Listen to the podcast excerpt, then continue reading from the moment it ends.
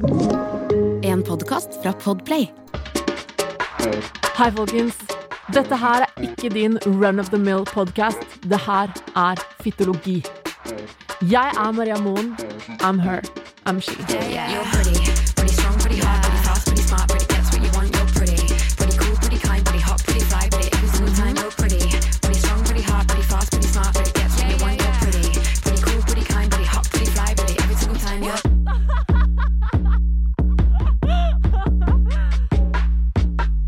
Hva er egentlig et toxic forhold?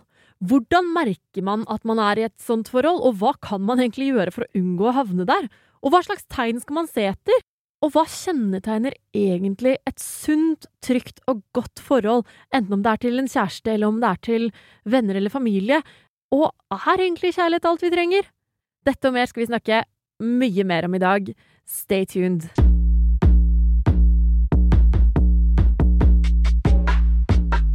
Hei, alle sammen. Velkommen til dagens podkast-episode. I dag skal jeg snakke om et ekstremt spennende og viktig tema, ikke minst. Jeg har nemlig med meg parterapeut og sexologstudent Camilla Sørensen. Hei, hei. Og vi skal i dag snakke om det jeg kaller toxic relationships, men du vil kalle det Usunne parforhold. Ja. Men hvem er du, Camilla? Eh, Jeg er jo mamma først og fremst. Jeg er gift, var sammen med en, eh, min drømmemann i seks år. Å, så deilig. Haugesund, som du hører. Mm. Bodde i Oslo i ti år. Flytta hit for å leve ut singellivet, egentlig. og den reisen har vært veldig fin. Ja. Eh, og så er jeg da parterapeut og Mm. jobber aktivt med å hjelpe par, uavhengig av om de er i en krise eller om de bare vil bli bedre på noe. Og så studerer jeg sexologi. Utrolig spennende, og du studerer i Eh, Skolen er både i København og Norge. mm. Så, så hadde det ikke vært for korona, så hadde jeg vært frem og tilbake mellom Oslo og København. Men nå er det online, da. Så, sånn Ja. som alle andre. Så Jeg er jo glad for at du kan være her i dag, i hvert fall. Ja. Fordi det å, det å være parterapeut, hvor, da, hvor kom den eh, inspirasjonen fra? det tror jeg kom fra barndommen, egentlig. Eh, Jeg har skilte foreldre sjøl, og jeg tror de fleste som opplever en skilsmisse i sin barndom, stiller et spørsmål ved hva om, hva hvis, hvordan, hva. Så det spørsmålet har jeg alltid hatt. Eh, Og jeg har alltid jo vært en person som alle har kommet til rundt sine utfordringer når det gjelder kjærlighetslivet, så interessen har vært stor hele livet, egentlig. Ja. Så utrolig kult. Jeg også har jo eh, jeg, Mine foreldre ble jo skilt da jeg var eh, var tre år gammel. Tre-fire. Ja. Og, og man, man Jeg husker den første tiden så var jeg sånn Kan ikke de bare være sammen? For det, det er jo som du sier. Hva om? Hva hvis? Og så er det jo Men det er jo også noen forhold som ikke kan reddes. Ja, det, det det. Det skal vi også gå litt mer inn på senere.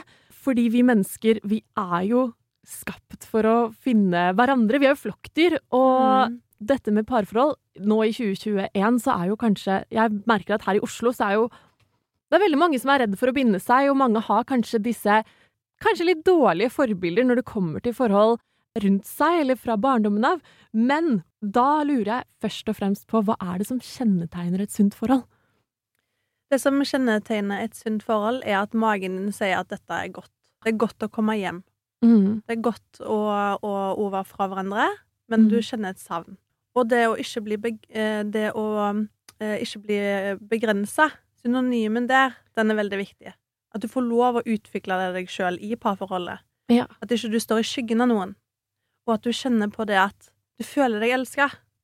Ja, fordi motstykket til et sunt forhold er jo disse usunne parforholdene, eller toxic relationships, Ja. som eh, de fleste av oss har vel sikkert vært borti en usunn relasjon, eller kommer til å være borti en usunn relasjon i livet, og Ja. det er det som er viktig for meg å snakke om, hvordan Ja. man kan gjenkjenne dette her, og hvordan Fordi det jeg tenker med et sunt parforhold, da er det liksom kommunikasjonen er på plass. Altså, Mm. Eller man har i hvert fall et trygt rom sammen, der man Mm. kan ta opp ting uten å møte fordommer eller sinne, eller eh, der man kan på en måte ha det derre felles kommunikasjonsrommet der man kan prate trygt sammen og bli møtt med forståelse, og at man begge ønsker å bli bedre sammen, da. Ja. Og jeg tenker også veldig på det at eh, et forhold, i hvert fall for meg, skal man, det skal være på en måte en bonus. Der skal begge bringe noe fint til bordet, og så blir man bedre sammen. Mm. Sånn som du sier, at, Ja. man, eh, at det er et eh, sted for utvikling og trygghet og, og sånne ting. Mm. Men du sier også noe kjempe, kjempefint på din Instagram, for den Instagrammen din heter jo Kjærlighetsterapeuten. Mm. Den må alle inn og følge. Eh, og den, der sier du jobb med deg selv, få det bedre i samlivet. Ja. Kan ikke du utdype det lite grann? Ja. Eh, Det som er forskjellen nå, det som jeg fokuserer på i måten jeg tilnærmer meg mine klienter på, det handler ikke bare om å jobbe med overflaten, det handler ikke bare om å jobbe med paret. Nei. Men alle par som kommer til meg, har en individuell samtale med meg på 90 minutter. Der går vi gjennom hele livet deres. Ikke sant? Trekke? Fra barndommen og Ja, For å Mhm. trekke noen røde tråder. Hvor kommer ditt reaksjonsmønster fra? Hva var vanlig for deg? Hvordan håndterte foreldrene dine konflikter, for eksempel? Er det noen udekte behov som du fortsatt prøver å søke etter i ditt nåværende samliv ubevisst, eksempel? Som, som gjør at du blir misfornøyd i et parforhold som egentlig du er veldig fornøyd med, da, men Ja. at du slåss med deg sjøl. At man aldri blir helt fornøyd. Nemlig. Så på de 90 intensive minuttene Jeg sier vær opplagt når du kommer, og, og det er en grunn til vi har en samtale først, for å, Ja. for å komme litt i dybden og bli trygg nok. Så finner de ut av Aha, er det derfor jeg reagerer sånn? Er det Mm. derfor jeg har de forventningene til min partner? Aha, var det derfor vi ble sammen? Så, så, så det er så mange ting som dukker opp, da. Og Mm. så, i, i parterapisamtalen etter det, så har jo Mm. begge gjennomgått den individuelle samtalen med meg Mm. forstått seg sjøl på en helt annen måte. Men jeg har jo taushetsplikt. Bringe inn det de vil med sin partner, og Ja. så er vi klar for å jobbe i dybden. For å, å, å virkelig starte å jobbe med seg sjøl sammen. For å, å koble paret på igjen. Det er jo kjempefint, og jeg tenker jo at det å gå til terapi, enten det er en psykolog, en sexolog, eller om det er parterapi, det er jo jeg anser det som et ønske om å bli bedre. Det er ikke Mm. nødvendigvis et uh, tegn på at noe er feil. Mm. Fordi jeg syns alle mennesker har godt av å finne, altså, gå i seg selv, dykke litt eh, i dybden og lære å bli kjent med seg selv, sine mønstre, sine reaksjonsmønstre, som du nevner. Ja, Og fordi dette påvirker jo hvordan du håndterer livet på alle arenaer, egentlig. riktig. Men kanskje mest i et parforhold, for det er jo den som kommer nærmest på deg, som Mm. ser dine ikke bare gode, men dårlige sider Ja. aller mest. Riktig. Nå er jeg 28 år gammel, og jeg har jo lært meg en ting, en veldig viktig ting når det kommer til forhold, det er at man skal alltid ta ansvar for sin egen lykke først. Mm. Eh, og det er, ikke, det er mange som sier at eh, ja, hvis du er broken, så skal du aldri gå inn i et parforhold og la, la, la. Men jeg tenker at du kan alltids finne mye trygghet i et parforhold, men du må alltid sørge for at du tar ansvar for din lykke. Mm. du tar ansvar for at du har det bra selv. Mm. Fordi det å legge et sånt ansvar over på noen andre, eh, anser jeg som veldig egoistisk. Mm. Hva tenker du om dette? Jeg liker veldig godt det du sier. Ja.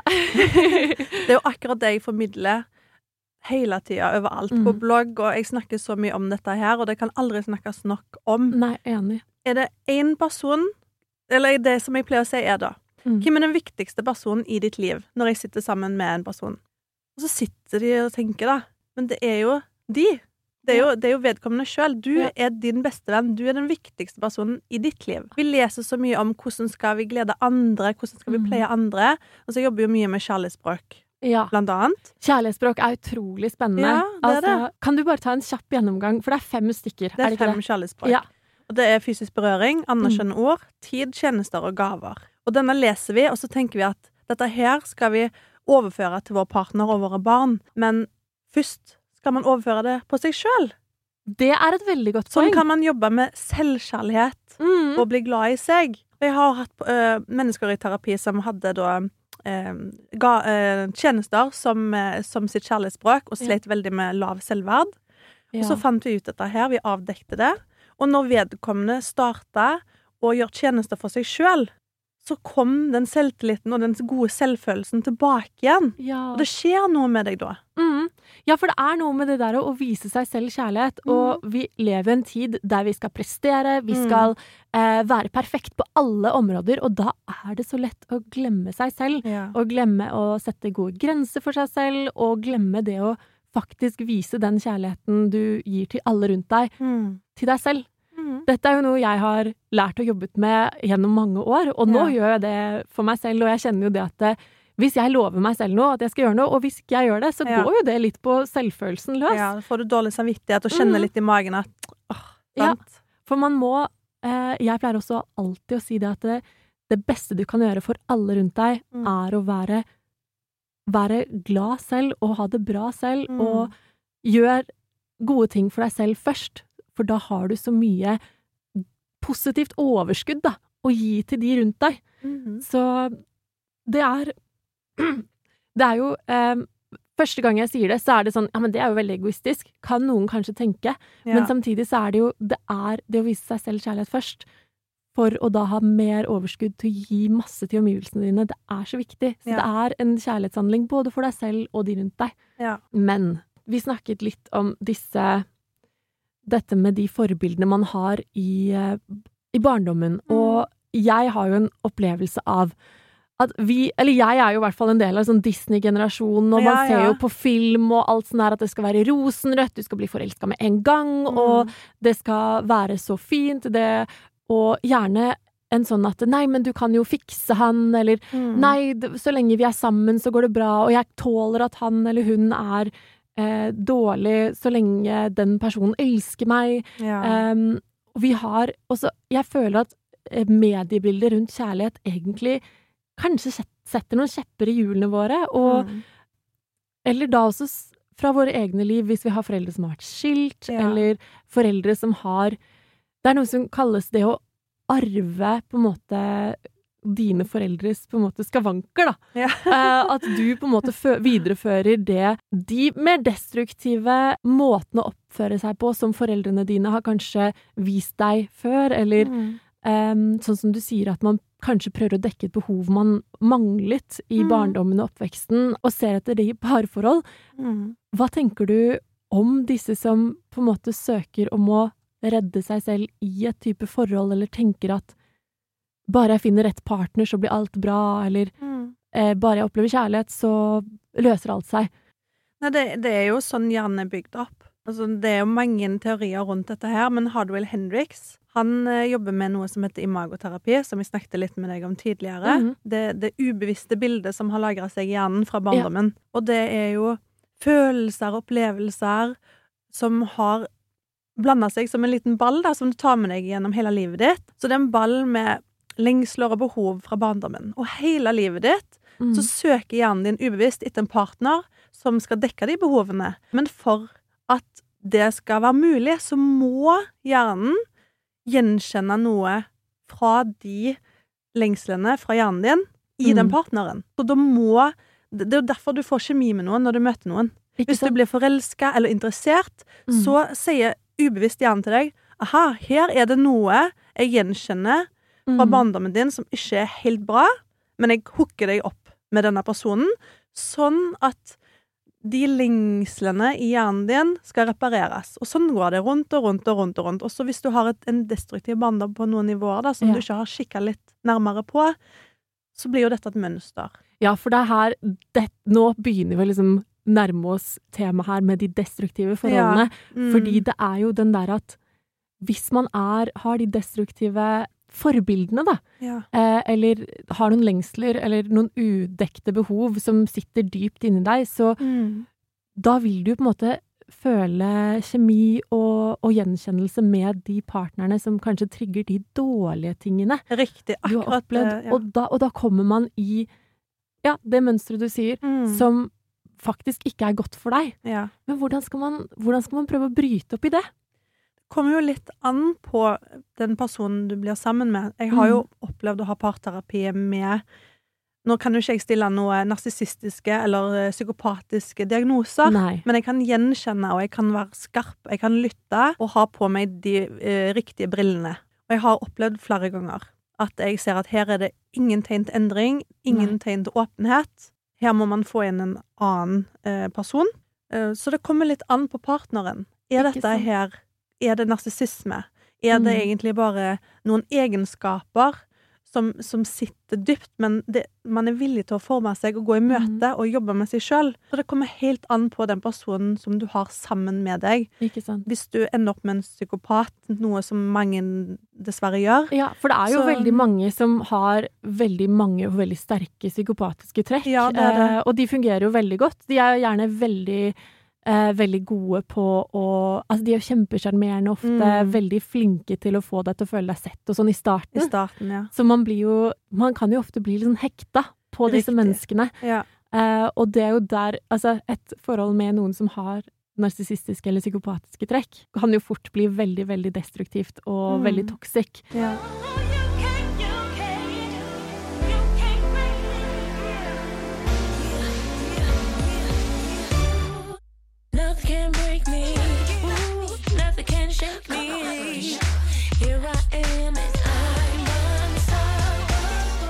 Jeg har jo selv vært i to forhold, to liksom seriøse forhold, da, som jeg Ja. personlig trodde skulle vare livet ut. Em, eh, og og der var det to ulike, to helt ulike måter uh, det ikke var bra for meg personlig, da. Mm. Uh, han første var jo veldig Han slet nok litt med selvbildet. Han prøvde nok Mm. å finne mye trygghet i et forhold av de tingene han manglet personlig. Eh, Ja. Samtidig som han da prøvde å kontrollere, og han var veldig, veldig sjalu.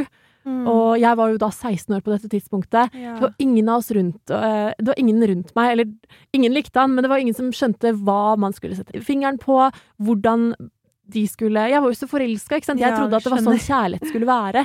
Og det er, jo, det er jo en av grunnene til at jeg vil snakke om dette her også, Mm. fordi det er veldig mange eh, såkalte røde flagg, da, Mm. som man burde være obs på. Fordi jeg har lært meg at det å være forelska, Mm. det er ikke alltid nok. Fordi Nei. forholdet og den personen du er forelsket i, må være bra for deg. Man må være bra for hverandre. Mm. Og mitt siste forhold, så fant jeg, så jeg noen, noen tegn og noen mønstre som virket uh, veldig destruktive. Det var ingen på en måte Vi hadde ingen sånn trygg, trygt rom til å kommunisere. Mm. Det var veldig sånn Kan man si litt sånn maktspill, eh, eller em, Du kjente på kontroll og, Ja, og eierstykke, eller? Nei, på det siste så var det ikke noe av det. Eh, så det, det tenkte jeg var jo kjempebra. For det var jo helt motsatt av det forrige gangen. Og da tenkte du at da var det trygt? Da var det trygt. Også, Ja. Men likevel så var det Jeg på en måte trygget han på et vis. Og så ble det liksom en sånn innad konkurranse på mange måter, og det var litt maktspill. I summa summarum i det forholdet så følte jeg at jeg måtte jobbe, og jeg sleit og med klør og nebb Mm. for å, for å liksom karre til meg små smuler av kjærlighet og Ja. bekreftelse. Mm. Um, og da, til slutt, så måtte jeg innse at nå ser jeg hvordan disse tingene er. Det forandret seg også ganske raskt Mm. eh, når vi da først var kjærester. Og da var jeg sånn, ok, nå ser jeg noen mønstre som ikke er bra for meg, men jeg er kjempeforelska. Mm. Men da var jeg tvunget til å liksom, ok, nå, nå ligger korta på bordet. Du ser det foran deg. Da, måtte jeg tvinge meg selv til å bryte ut og sette meg selv rett inn i en kjempekjærlighetssorg. Men Mm. fordi jeg innså at dette forholdet er ikke bra, og det å være forelska er ikke nok når man ikke er lykkelig sammen, Mm. eller ikke er, har det fint med seg selv rundt denne personen, da. Ja. Og det er det som er Det er jo veldig vanskelig, for det er jo veldig mange som er og blir i, i kjempedestruktive forhold. Jeg vet om en som har vært i et kjempe, kjempe, kjempedestruktivt forhold i 15 år. ja. Sant. Fordi Det er, jo, det er jo normalt. Det er Det er veldig vanlig. Mm. Og så Det er jo det der at man blir Mhm. vant til det. Mm. Og man blir vant til at man er sånn, og så blir man vant til at man er sånn i møte med den personen, og Mm. plutselig er det det destruktive som er vanlig, så da, da glemmer man å få overblikk Ja. rundt, og så, og så holder man så fast med de fine stundene. Ja. Uh, så selv om de dårlige er ekstremt, ekstremt ræva, rett og slett, Mm. så tenker man at ok, bare hvis jeg gjør sånn, bare hvis jeg er litt sånn, eller bare hvis jeg lister meg litt sånn forsiktig der, hvis jeg, hvis jeg kutter ut de vennene, hvis jeg er sånn, så, så legger man liksom alt det ansvaret på sine skuldre for at den personen skal være lett å ha med å gjøre, da. ja. Men jeg tenker jo at hvis man er sammen med noen som er på en måte toxic for deg, Mm. Så kommer den personen aldri til å bli fornøyd. Uansett hvor mye venner man kutter ut. uansett. Fordi man skal jo ikke gjøre det. Kjærlighet er ikke så stort at du skal på en måte forkaste ditt eget liv eller din egen person, da. Nei. Eller personlighet for at den andre skal være fornøyd. Det er viktig å ha alle elementene i livshjulet sitt. For det mm. om du er sammen med en person, og det jeg hører her, var jo det at du, du hadde det, det som du holdt fast i, det var de små øyeblikkene når mm. han viste deg kjærlighet, og så Mhm. var det det som gjorde at du bare fortsatte og fortsatte og fortsatte, og så plutselig klarte du å bryte deg ut av det. Ja, og det var jo Men det var masse lærdom, og Ja. den dag i dag er jeg jo kjempestolt, Ja, fordi jeg tenker.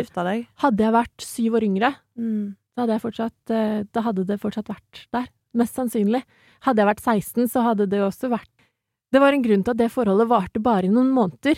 Mm. Fordi jeg hadde lært, og jeg måtte tvinge meg å være så på en måte beinhard med meg selv. Ja, ja. Og det er jo ikke så lett å forvente av mennesker. Det er, jo, det er jo kjempevanskelig å ta sånne kjipe beslutninger for seg selv. Og så da tenker jeg vi kan gå litt over på hva, hva er det? Hva er disse faresignalene man burde liksom være obs på, da? Når man er i et forhold Mm. det jeg kjente på, var at på utsida så alt perfekt. Til syne. og jeg var så lykkelig. Men samtidig så var det sånn Grand Canyon inni meg, der jeg også følte på en skikkelig ensomhet. Ja, ikke sant. Eh, og det å være ensom i et forhold er jo verre enn å være ensom en, eh, en torsdagskveld aleine Ja. i leiligheten, på Det en er ikke måte. noen god følelse i det hele tatt. Nei. Du har jo nevnt sjalusi allerede. Mm. Og sjalusi kan jo være sunt til en viss grad, Ja. men sjalusi er jo en av de punktene Mm. som er på min liste. Ja. Eh, Men man må jo ikke tenke at det er den ene store delen.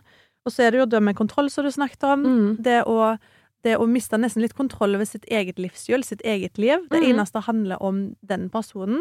Fordi det er han eller hun som har den makten.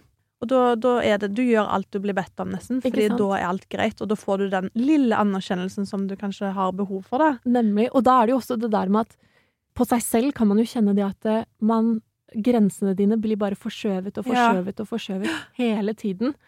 Og hvis man da kommer til et punkt der man begynner å sette grenser, så Mm. blir jo ikke det godt tatt imot. Nei, da, da er det kamp. Eller at, man, at han eller hun skal forlate deg og komme med trusler, og Mm. det fins ingen Du får aldri noen bedre enn meg, for eksempel. Det er noen, noen Det er et narsissistisk trekk, hvis man Ja. sier det, da. Og så er det det med grenser, som du var litt inne på. Det med at man man starter å bryte sine egne grenser og Ja. forskyver de, som du sier. Det er Mm. jo et tegn. For Ja. man, man kan Man må, bli, man må kjenne, gjenkjenne at hva er det du gjør? Følger du disse, eh, disse egenskapene?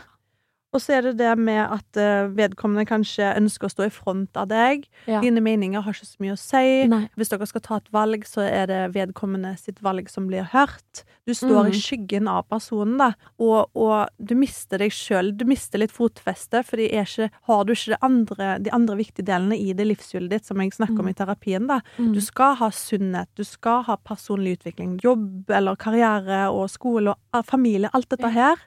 Men hvis, det, hvis kun livshjulet ditt handler om å gjøre partneren din fornøyd, eller at du skal føle deg elska, så Mm. er det noe, du må, noen spørsmål du må stille deg sjøl, da.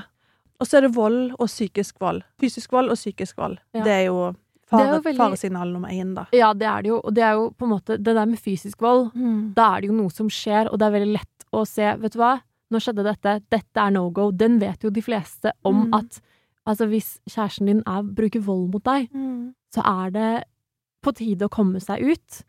Men det der med psykisk vold, den er kanskje mye vanskeligere å, å kjenne igjen over Mm. tid. Fordi det er jo Dette er jo kommer jo i samspill med å, å overskride dine grenser hele tiden, og, og da at du på en måte du, du står på tuppa for å prøve å gjøre den andre fornøyd, og da kommer jo Da har man jo lagt kanskje grunnlaget til å At en toxic partner kan eh, være Drive med psykisk eh, vold, da.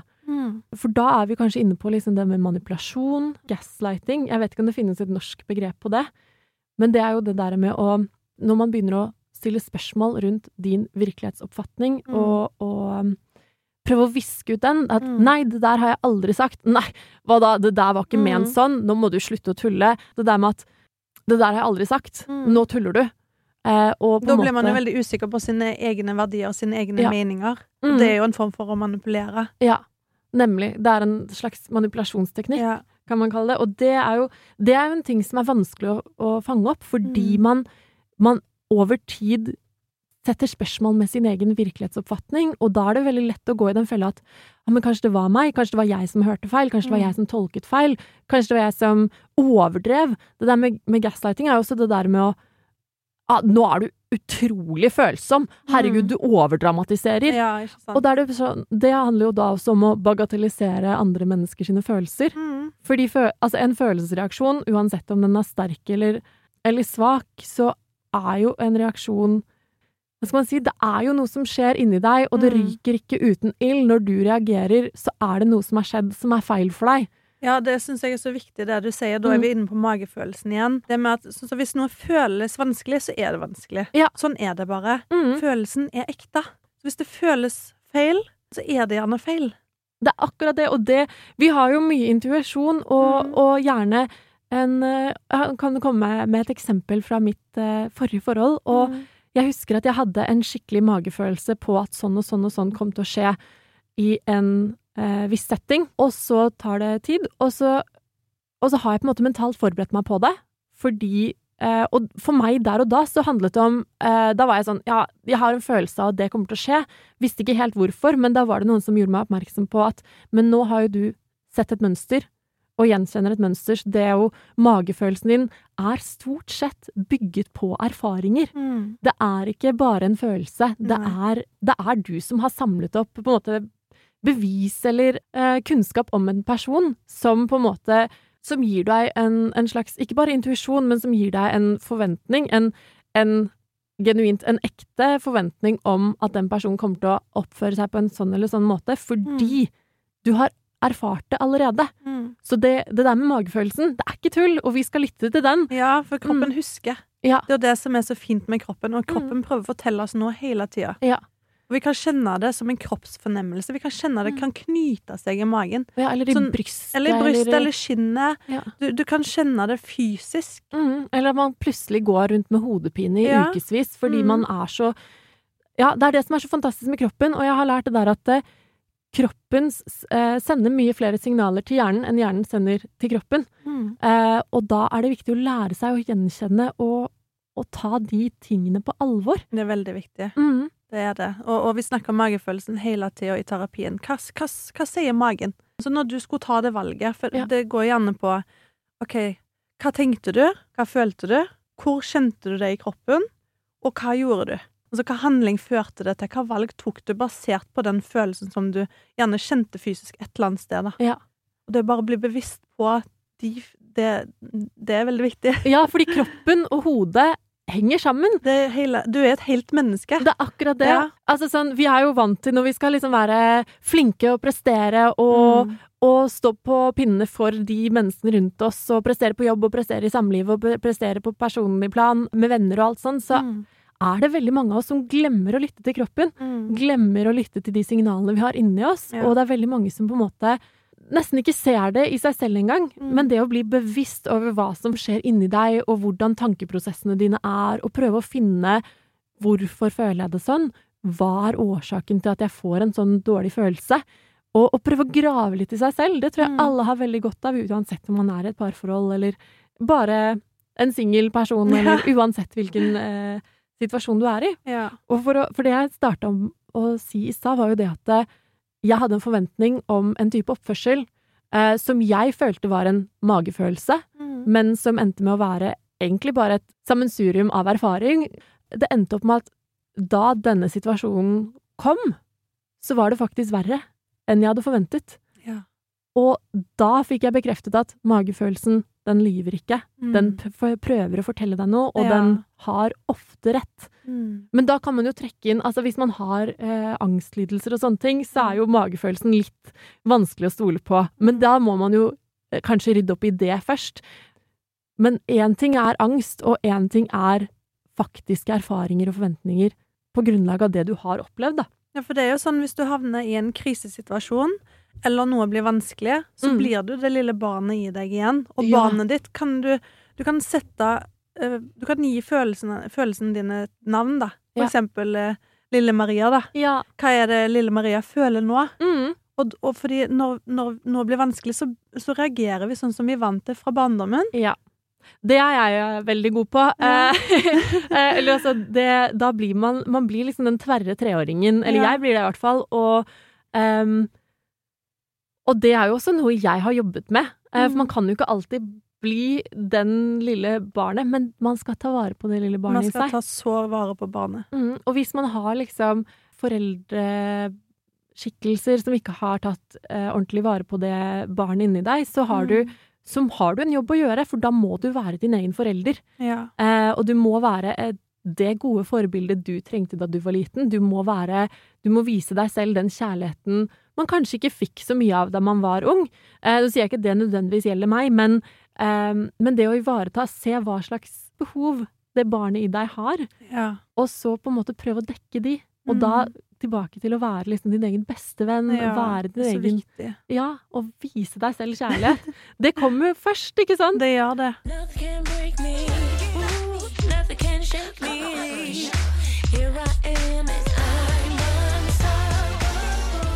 Vi kan jo gå tilbake til den, eh, det med faresignalene. Mm. For vi nevnte jo Vi snakket jo om manipulasjon Mm. og kontrollerende oppførsel, og det der når man blir manipulert, det er så vanskelig å se. Mm. Fordi du blir jo på sett og vis hjernevaska. mm. Men hvordan skal man Hvordan merker man at, man at ting ikke er som det skal? Vi har snakket om magefølelsen. Er det liksom andre ting man kan gjøre for å liksom kjenne at dette stemmer ikke? Nå er det noe som er riv ruskende gærent. Mm.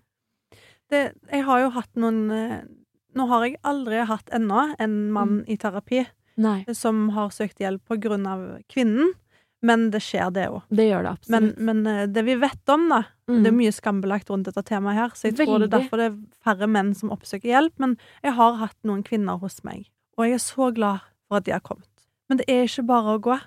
Nei. De er fast. Nå, nå er det jo Det er jo ikke sagt det at du har hatt en destruktiv barndom fordi om du ender opp med en sånn person som behandler deg dårlig, men mange gjør det.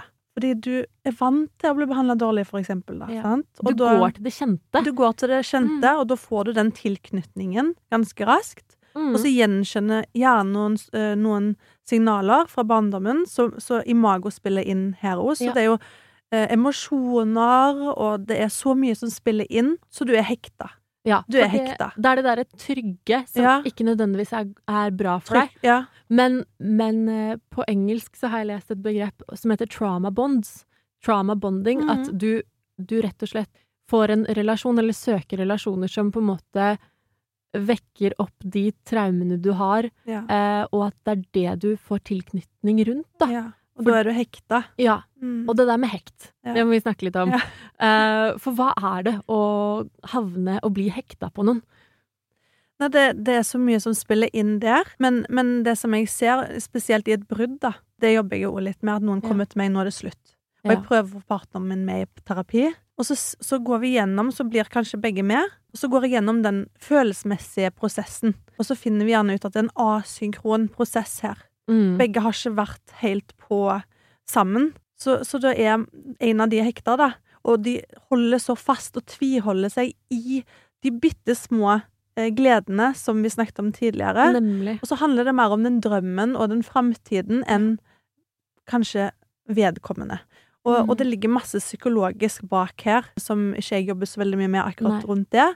Men det som jeg ser da, er at drømmen er større enn faktisk vedkommende. Mm. Det vi skulle få til sammen, det vi så for oss. Eller så kan det være noe emosjonelt, eh, det med em emosjonsterapi. Ja. Det med at den tilknytningen er så sterk. Kanskje gjenkjente du noe fra barndommen din, Mm. din mamma eller en tante eller noe i det vedkommende som gjør Ja. at du er bare du, er, du tror at dette er den eneste personen for deg. Eller igjen så kan det være et usunt forhold eh, der du faktisk blir avvist. Men du er hekta på, på bakgrunn av det. Så, så man Ja, kan definere et hekt på veldig mange måter. Ja, kan man si at liksom, man blir liksom nesten avhengig av den derre den der katt og mus-leken, den derre Ja. med, med å jakte, bli avvist, jakte, bli Mm. avvist. Dette er noe jeg har opplevd selv, at det nesten ble gjort sport i å Mm. avvise meg. Jeg har aldri vært så mye avvist i et forhold, eller med noen, noen Ja. gang.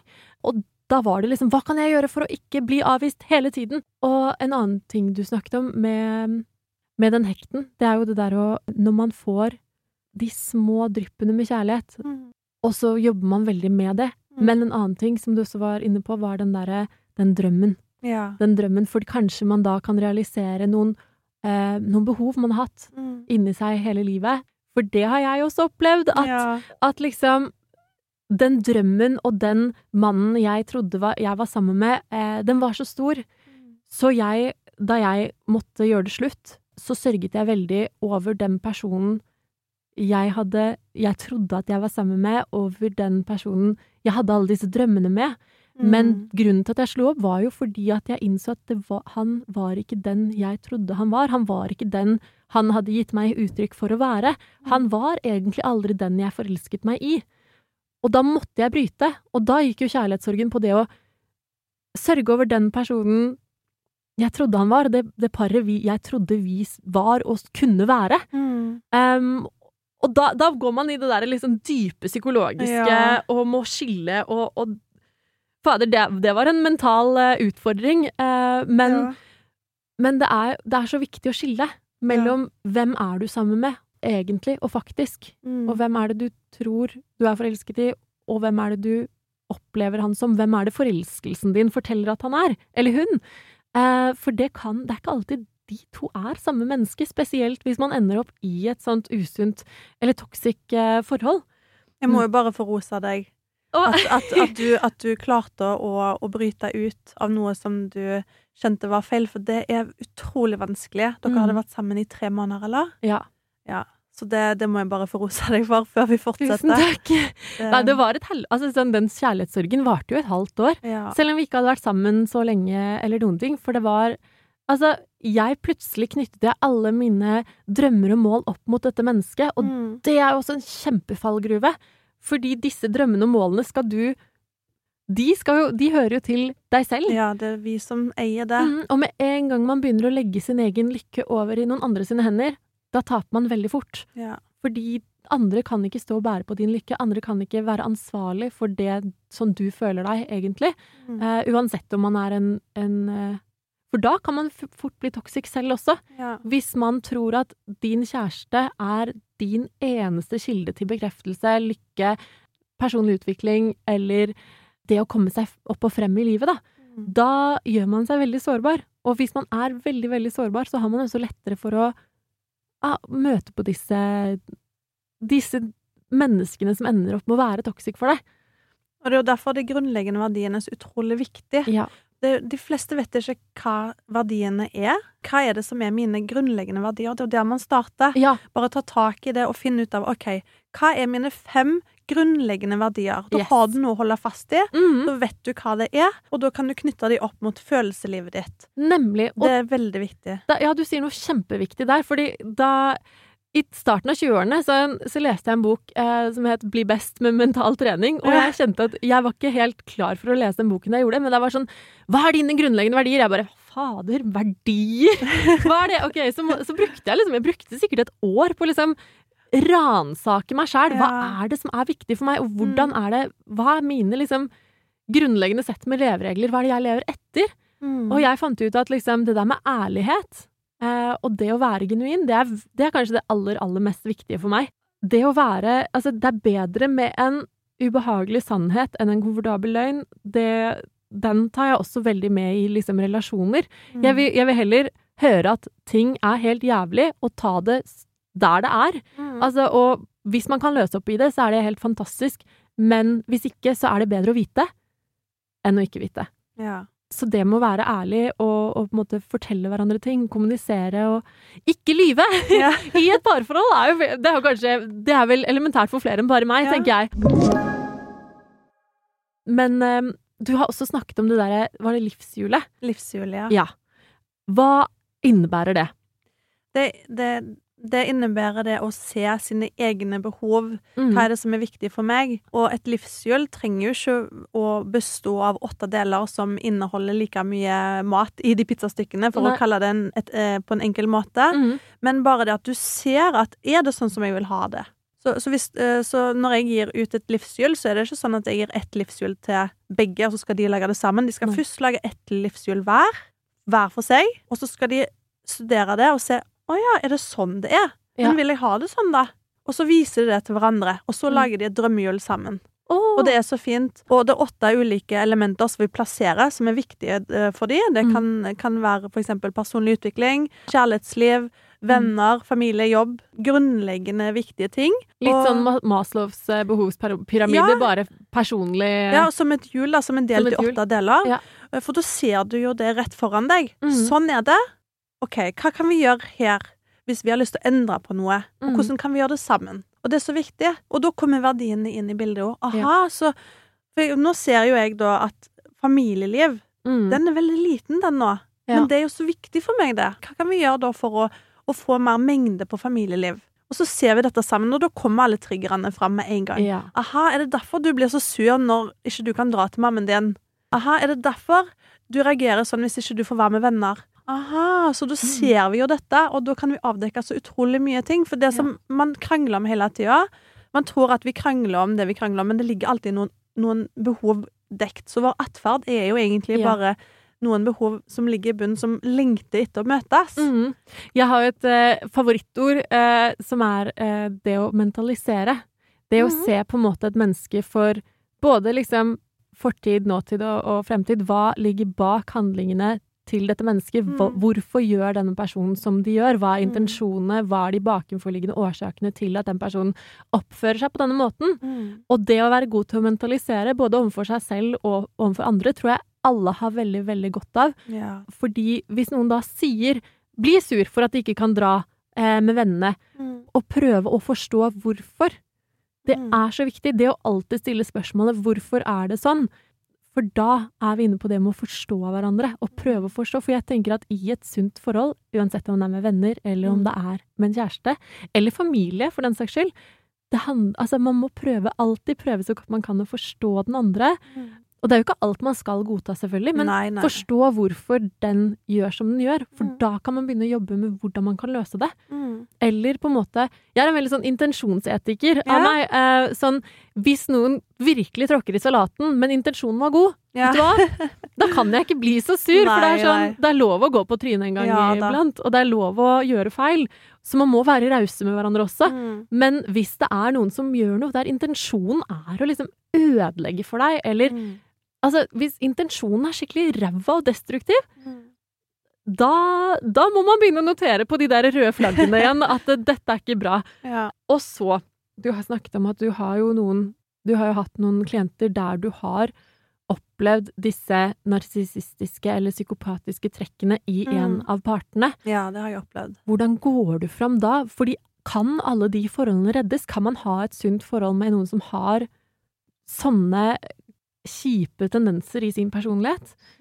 Det kommer litt an på Nå er det jo, nå er det jo sånn at jeg kan jo ikke jobbe med, med psykopater. Jeg kan jo heller ikke Nei. sette eller stille noen diagnose. Nei. Men det som jeg kan se, og det, det gjelder jo å være skarp, eh, det er å se disse faretegnene. Og det har ikke gått så langt at jeg ennå har vært nødt til å hjelpe med å, å designe en flyktplan, Men vi er rusta til det, mange av oss som jobber Ja. med parterapi. Så det har vi alltid tilgjengelig. Men jeg har sett og, og, og hvis man har noen narsissistiske trekk eller psykopatiske trekk, de er så dyktige. Ja. De, de roser deg, Mm. og du, de prøver å bli din beste venn. Og de er utrolig dyktige på å ordlegge seg, og nesten å få deg på deres parti, da. Så, så der gjelder det å være skarp. Så veldig Ja. mange blir rett og slett eh, lurt. Jeg har jo hatt eh, flere hos meg som Nå skal ikke jeg si noe negativt om familievernkontoret, det er jo, Nei. de er fantastiske og gjør en så god jobb. Men jeg har hatt noen hos meg som har vært der, og så har de sagt at jeg ble ikke trodd når jeg var på familievernkontoret, for da hadde vedkommende allerede sagt ifra. Og så mm, gikk de videre, da.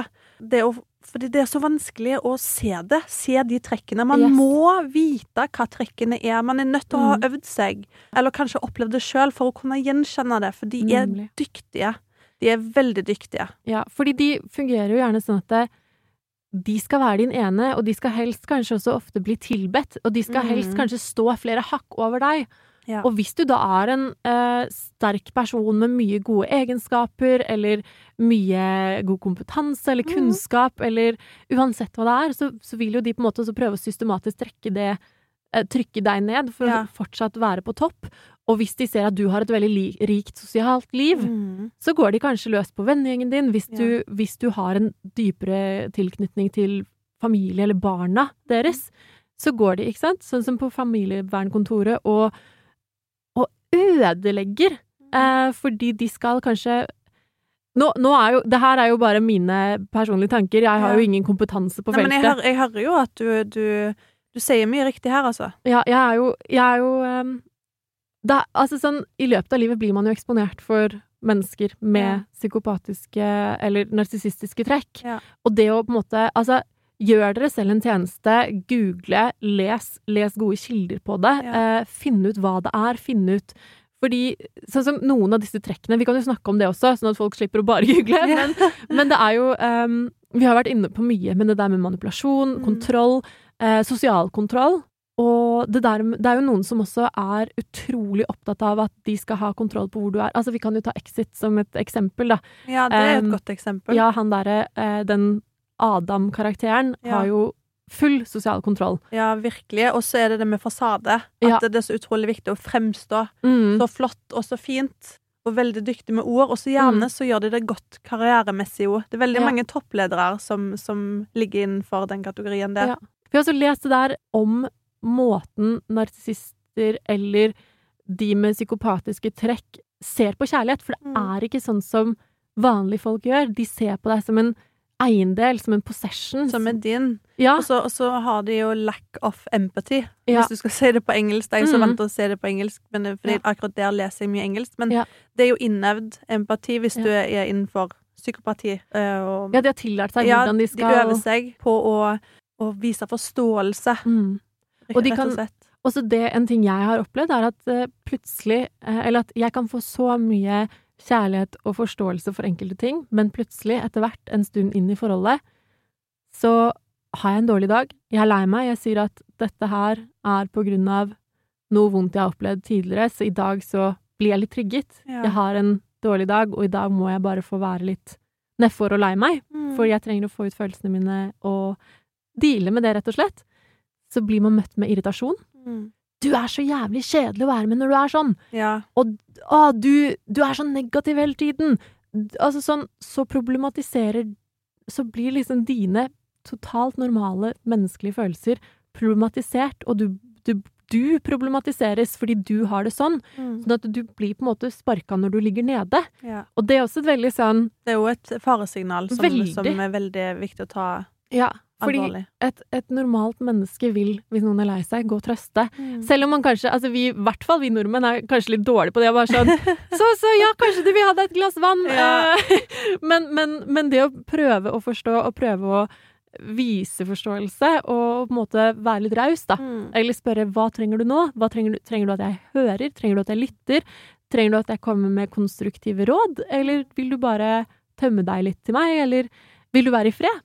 Eh, og det å på en måte prøve å møte personen der de er, eh, det går jo begge veier. Ja. Men det å på en måte avvise andres følelser, det er et kjempe, Det er et stort faresignal. så det var veldig viktig at du snakket mer om det. For det er jo mm. viktig at de som hører på her, kan, kan gjenkjenne noe, da, hvis Ja. de er i en sånn situasjon. Ikke sant? Fordi mitt, eh, mitt største ønske er at folk skal Fordi det første forholdet jeg var i, da, ja, der var jeg nesten tre år.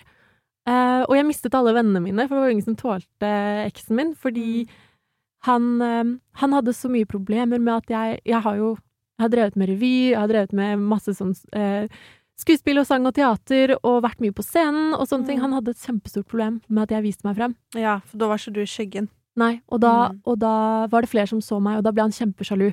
Og jeg merket jo, fordi jeg var så ung da dette skjedde, jeg var jo 16, 17, 18, 19, eh, og da reduserte jeg meg selv for at han skulle være fornøyd hele tiden. Og ja.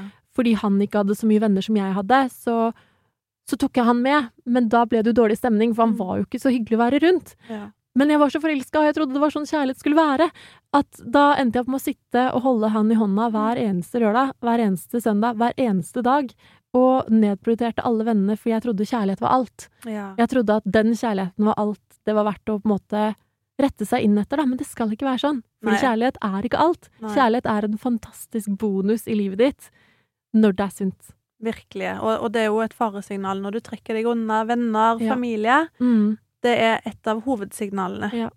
det er det. Og, og vi må jo også vi må jo snakke litt om at det vi snakker om her i dag, at man ikke mistenker at man er i et destruktivt forhold med en gang, men Nei. at det er jo det med mengden av disse faresignalene som er viktig. Mønstrene. Ja, Fordi alle kan være Altså, man kan jo være kjip en gang iblant selv også, fordi livet skjer, man får seg en på trynet, man blir sur for noe, man blir eh, lei seg for noe, man mistolker noe, eh, men det er disse, som du sier, mønstre, handlingsmønstre over tid. Mm. Og da er jo en oppfordring fra meg til dere at Når noen viser dere sitt sanne ansikt, Mm. tro på det. Tro på det du opplever, og de mønstrene du ser. Mm. Fordi det å vente og se, det går stort sett bare utover deg selv. Ja, det og det gjør det. det vanskeligere å bryte ut over tid også. Det gjør det. Du blir vant til det. Man blir det, og det Mm. er jo um, Jo mer vant til du blir, plutselig så sitter du da i det der Mm. forholdet i 15 år, og du føler deg Det er ingen som hører deg, det er ingen som ser eh, alle dine personlige egenskaper blir tråkka på og underkjent og hetsa, kanskje, og du på en måte Du blir ulykkelig, men det der også det, Når man er ulykkelig over tid, så blir det din nye normal. Mm. Og det er det man Man må på en måte Man må se det i øynene og gjenkjenne det før dette blir din normale hverdag. Ja. Det er så utrolig viktig det du sier der, og, Mm. og når, når disse kvinnene som kommer til meg, så Ja. anerkjenner jeg at takk for at du er her. Det er Ja. så utrolig fint at du er her, og det Mhm. er helt greit Ja. at ikke du går i dag. Ja. Det er helt greit. For hvis de føler seg så hekta, Ja. og dette er Eva, så må vi jobbe med OK, hvordan skal vi fylle det livshjulet ditt igjen? Mm. Sånn at du får begge beina dine Ja. planta på jorda igjen. mm. Så vi starter der. Fylle livshjulet med andre elementer, og så begynne å hente inn ressursene dine igjen, som du har skjøvet Yes. fra deg. For det var det jeg tenkte, Da jeg brøt ut av mitt forrige forhold, så hadde jeg jo masse gode venner rundt meg. Jeg hadde masse støtte rundt Mm. alle mine venner. Jeg hadde eh, masse gøy på tapeten. Jeg hadde en eh, jobb jeg elska, og, og Så jeg hadde et ganske sånn ressurssterkt nettverk Mm. som jeg kunne falle på, så jeg kunne gå på dagen, på en måte. Men det er ikke alle som har det, og det der med å bygge seg opp igjen Mm. før man bryter ut av noe, det er også helt lov. Mm. For, og det er også kanskje viktig for deg å skåne deg selv for mye ubehagelig og vanskelig og vonde, hjerteskjærende følelser, da. Ja. Så det kommer jo litt an på situasjonen, men det er også, som du sier, det er jo mange som, som trenger den tiden på å stabilisere seg selv igjen før de kan bryte opp. Og da blir det lettere å gå, for nesten Ja. alle som Mm. forlater en destruktiv partner, går Ja. tilbake igjen. Ja, fordi de er jo, de er jo eksperter på deg. Ja. De er eksperter på knappene dine. De er Mhm. eksperter på hvordan de skal få deg inn igjen. Jeg merka jo det med min ekskjæreste at han lurte seg inn ikke bare én, men to ganger. Ja. Andre gangen så holdt han jo faktisk på meg ny igjen. Jeg visste ikke at de var kjærester engang. Mm. Eh, før alle vennene mine sa det til meg. Og da var jeg sånn Men i alle dager! Men nå Sånn i ettertid er jeg jo liksom takknemlig for det. For jeg hadde havna i en hekte hvis ikke jeg var sånn Ok, nå er du med en annen. Da er dette her satt en stor, feit strek over.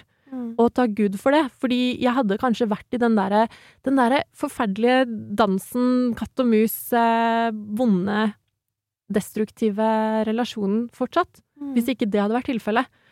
Så man må jo noen ganger så må man se the, the silver linings, man må se de positive tingene i det negative som skjer, og de Ja. Altså sånn, når du ser disse faresignalene, når du ser de negative tegnene og de destruktive handlingsmønstrene, Mm. Så må du Det er egentlig Jeg pleier å si også det at det, jeg er alltid takknemlig når noen viser meg sitt sanne ansikt, for da vet jeg hvordan jeg skal håndtere det.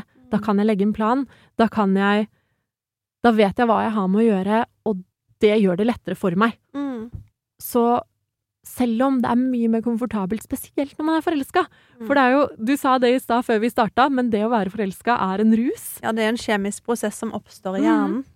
Og da vil du jo se det beste i partneren Ja. din. Du setter han eller hun langt opp på en pidestall, og, og det er vanskelig å innse at det kan være noe feil med den personen, fordi hele, hjern, hele hjernekjemien din jobber jo mot deg. Mm. Uh, og det, det er jo det som gjør det så vanskelig å, Ja. å komme seg ut av destruktive relasjoner. Eller fordi hele ditt vesen jobber jo mot deg. Mm. Så, så på en måte fornuften din må Altså, det er dritvanskelig. Og det det er anerkjenner vi. Ja. Ja, det må vi anerkjenne. Mm. Det, det er veldig viktig. Så man uansett, eh, når man begynner å gjenkjenne, når man øver seg på å se dårlige mønstre, så og tar, faktisk klarer å ta det til seg, det er veldig stort. Og det skal man klappe seg selv på skulderen for. Ja, og så og så er det jo Det er jo ikke nødvendigvis sånn Det kan jo være et stort steg å be om hjelp fra en terapeut. Ja. Men ta og ring VO-linjen. Ja. Så eh, kan du ringe på 16006, som står for eh, Din utvei. Ja. Hvis du er usikker, og hvis du føler at nå er, det, nå er du i et, eh, et eh, utrygt forhold, Ja. hvor skal jeg starte? Bare ta en telefon, snakk Ja. med de. Og de er, Start der. de er vel Det er vel anonymt, Det er anonymt, ja. og det er taushetsbelagt. Det er taushetsbelagt, det, det er trygt å ringe. Det er ikke som Mm. politiet. OK, hva Nei. heter du, hvor er du, nå kommer vi. Det er mer sånn OK, dette er bare en start. Bare Mm. for å bli litt mer bevisst og snakke om dem. Hvordan har du det? De er veldig dyktige på psykisk og fysisk vold. Og det gjelder også for barn. Barn og voksne. Ring den telefonen. Ja, det er mye lettere å, å ringe noen utenforstående Ja. som ikke har et forhold til deg eller ditt liv, Mm. men der du bare får et eh, trygt rom og bare tømme deg på og be om hjelp. ja. Og det er ingen skam å be om hjelp. Nei, også når vi snakker, når vi, når vi bare setter ord på følelser, når Ja. vi bare får sortere litt med noen Ja. andre, så, så kan det være steget nærmere dit du egentlig vil. Og så er det det at med en gang man sier noe høyt, eller med en gang Fordi når vi går rundt og bærer på ting inni oss, så er det lett å bare Ja, ja, men det er sånn, og det høres ikke så ille ut, men med en gang man sier det høyt, så hører man jo kanskje tydeligere herregud, Ja, dette her er helt forferdelig. Mm. Fordi da hører Altså, da er det jo Og så kan man også tenke sånn Hva om en venninne hadde fortalt meg at hun var, eller han var i et sånt forhold? Hvordan hadde jeg reagert på det? Ja. Og da kan man kanskje knytte de derre eh, fornuftige reaksjonsmønstrene nærmere det du faktisk gjennomgår. Akkurat det spørsmålet der bruker jo jeg i terapien. Gjør du det? Nei, så gøy. Men det er veldig viktig. Ja. For det, det er mye lettere å se situasjoner utenfra, Ja. og for vi blir Vi ser oss blinde på vår egen eh, tilstand alltid.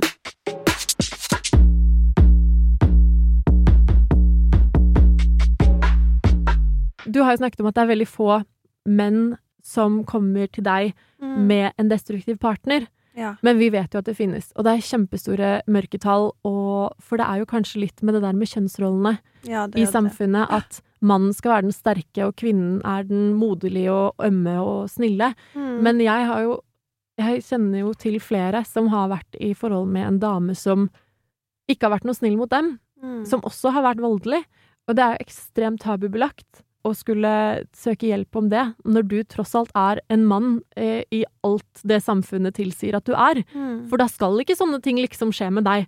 Men det er feil, fordi alle kan oppleve eh, psykisk og, og fysisk vold i et eh, parforhold. Det har ikke noe med kjønn å gjøre, det har noe med Og det har aldri noe med deg å gjøre heller. Det betyr ikke at du er svak, det betyr ikke at du er et eh, knekt menneske, det betyr ikke at du At det er din feil. For veldig mange av disse eh, destruktive partnerne prøver jo å legge det på deg. De Ja. spiller jo på samvittigheten din hele tiden. Mm.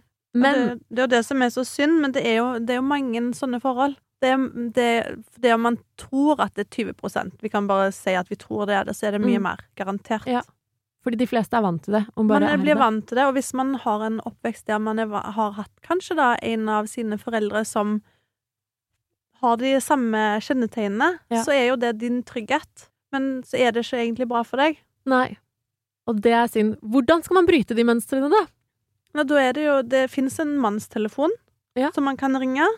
Hvis man, er, hvis man mistenker at man er i et øh, Nå har ikke jeg nummeret foran meg, men man kan google mannstelefonen. Jeg lurer Mm. på om det heter det. For Ja. det fins hjelp for mennene òg. Det er så mye skam bak der, og, og det går så fort på manndom Mm. når, når kvinnen er den som man føler undertrykker deg. Men det er så mye, det er så mye man kan gjøre der òg, og Ja. det fins hjelp. Mm. Det gjør det.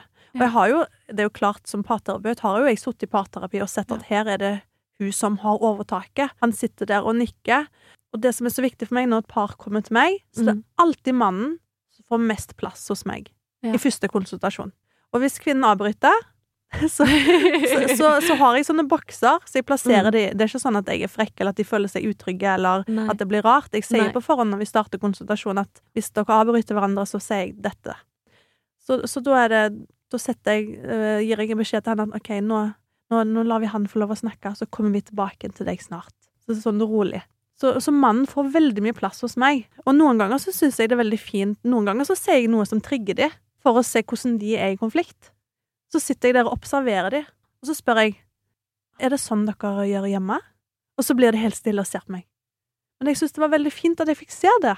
For da, da har jeg observert noe, da vet jeg litt mer hva vi kan jobbe med. Og det er så fint å høre at du gir mannen mye rom, fordi menn sånn rent stereotypisk i samfunnsperspektiv og alt, er ikke så vant og er ikke så godt opplært til å snakke om følelser. Det er helt riktig. Og, og det er veldig synd, fordi Ja. alle har jo godt av at mennene også får dele og også bli kjent med seg selv og sine behov Mm. og sine handlingsmønstre, og viser seg selv litt omsorg og kjærlighet. Og også det å tørre å be om hjelp eh, når man trenger det.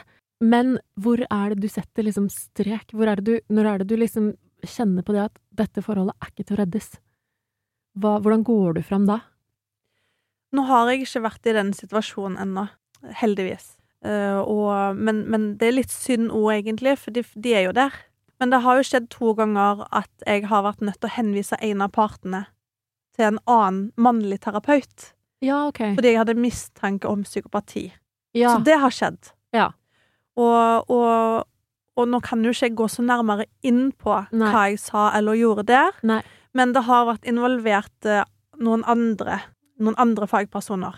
Og, og jeg kan jo ikke fortelle et, et vedkommende hva de skal gjøre, men Nei. jeg kan hjelpe med å sortere tankene og følelsene, og stille spørsmål, slik at de sjøl kan se hva er det de egentlig står i, og det kan ta Ja. tid. Ja, for det er det vi også er liksom litt opplært til at ja, med en gang man skjønner hva som er problemet, ja, men da fikser vi det, og så er det ferdig. Ja. Men det tar, så, det tar tid. Det, det, det gjør det. Man må være raus både med seg selv og med partnere, og, og gi det den tiden det trenger. For det er ingenting her i samfunnet, eller ingenting i livet, som er en quick fix. Nei. Ting tar tid, og selv om du på en måte hodet ditt sier at ja, men nå vil jeg være ferdig med dette, nå er jeg klar for at det skal bli bedre, Mm. så tar det veldig lang tid å, å utarbeide de gode mønstrene og, og helingsprosessen, da. Mm. Om det er en kjærlighetssorg, eller om det er eh, sår fra barndommen, eller om det er andre ting, så tar dette så lang tid. Det er veldig viktig å være raus med tiden til hverandre òg. Det er det. Og så Mm. er det så,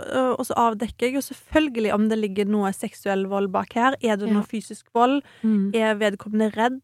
Er, er, er hun, hun eller han redd for sitt liv? Og og det er jo klart at hvis noen hadde sagt til meg jeg frykter for mitt liv, jeg er redd for å dø, Mm. da går jo jeg inn som en, en eh, redningsperson umiddelbart.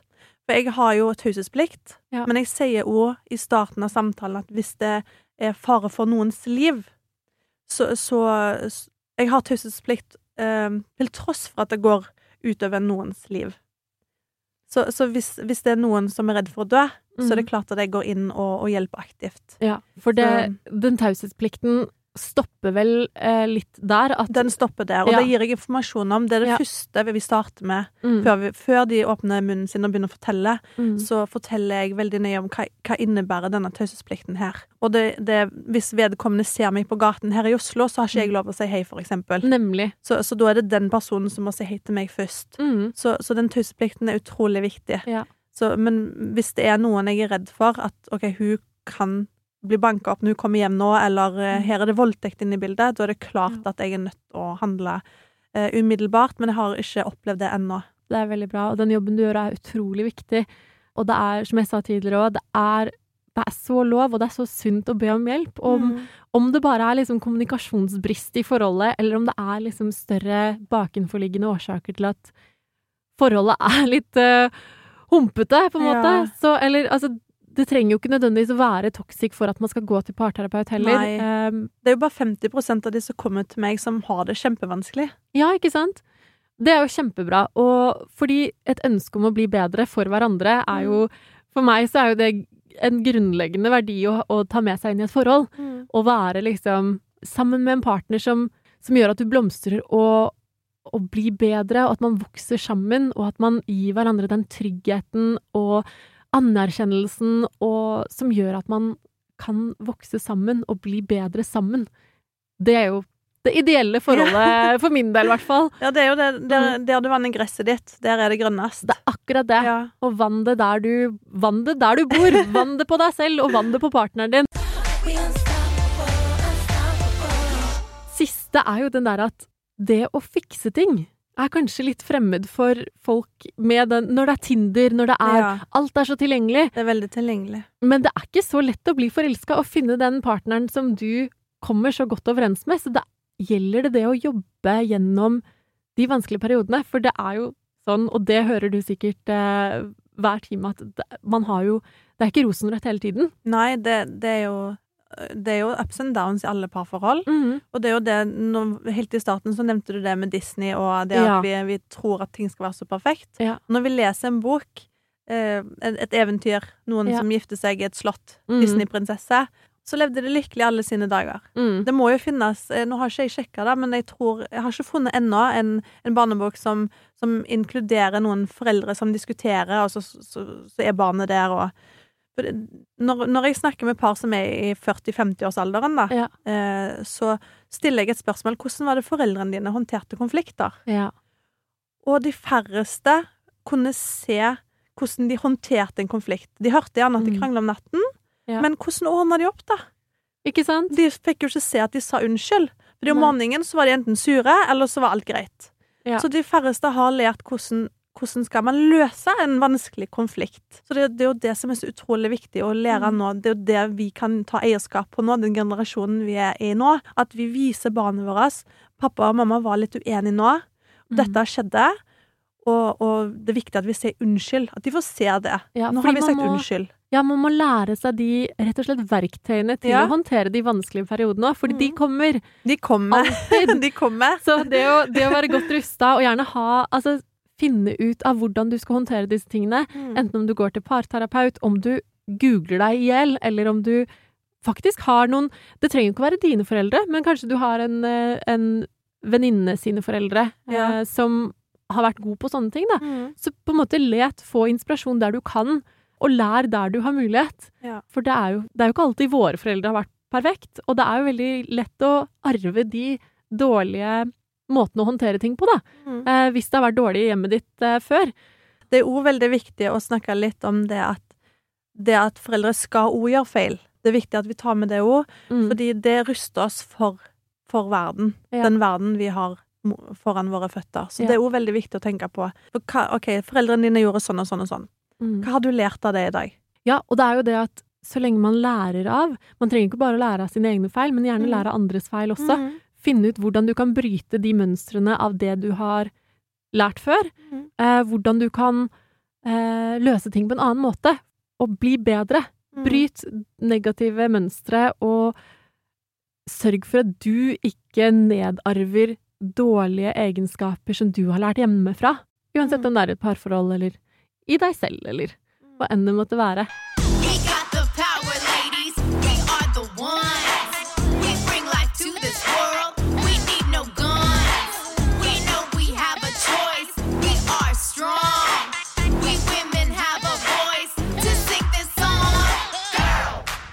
Nå må Ja. vi si takk for Ja. nå. Det har vært helt utrolig eh, berikende å ha deg her i Og takk for at jeg fikk komme. Ja, og jeg håper vi kan snakke sammen mer seinere. Og jeg håper også at dette her har vært berikende for dere som hører på. Og hvis du befinner deg i et forhold som er toxic eller negativt, det er ikke ingen skam å be om hjelp. Mm. Be om hjelp heller før enn siden, Ja. for da, jo før du tar tak i det, jo lettere er det å komme seg ut. Mm. Og det er faktisk slik at det kan alltids bli bedre. Det kan bli bedre. Og vi kan Mm. ikke forandre andre. Nei, Vi kan jobbe med oss sjøl. det kan vi. Mm. Og det må vi, for Ja. å være lykkelig i livet Ja. og i alle parforhold. Fordi, igjen, det beste du kan gjøre for omgivelsene dine, er å ha det bra med deg selv. Ja. Da sier jeg tusen, tusen takk Jo, for takk for at jeg fikk besøket. komme. Mm. Veldig hyggelig. Yes, og følg Kjærlighetsterapeuten på Instagram, dere. Der er det mye, mye god lærdom. Og på Snapchat. Og på Snapchat. Samme navn. Ok, tusen takk, Camilla. Ja. Du har hørt en podkast fra Podplay. En enklere måte å høre podkast på. Last ned appen Podplay, eller se podplay.no.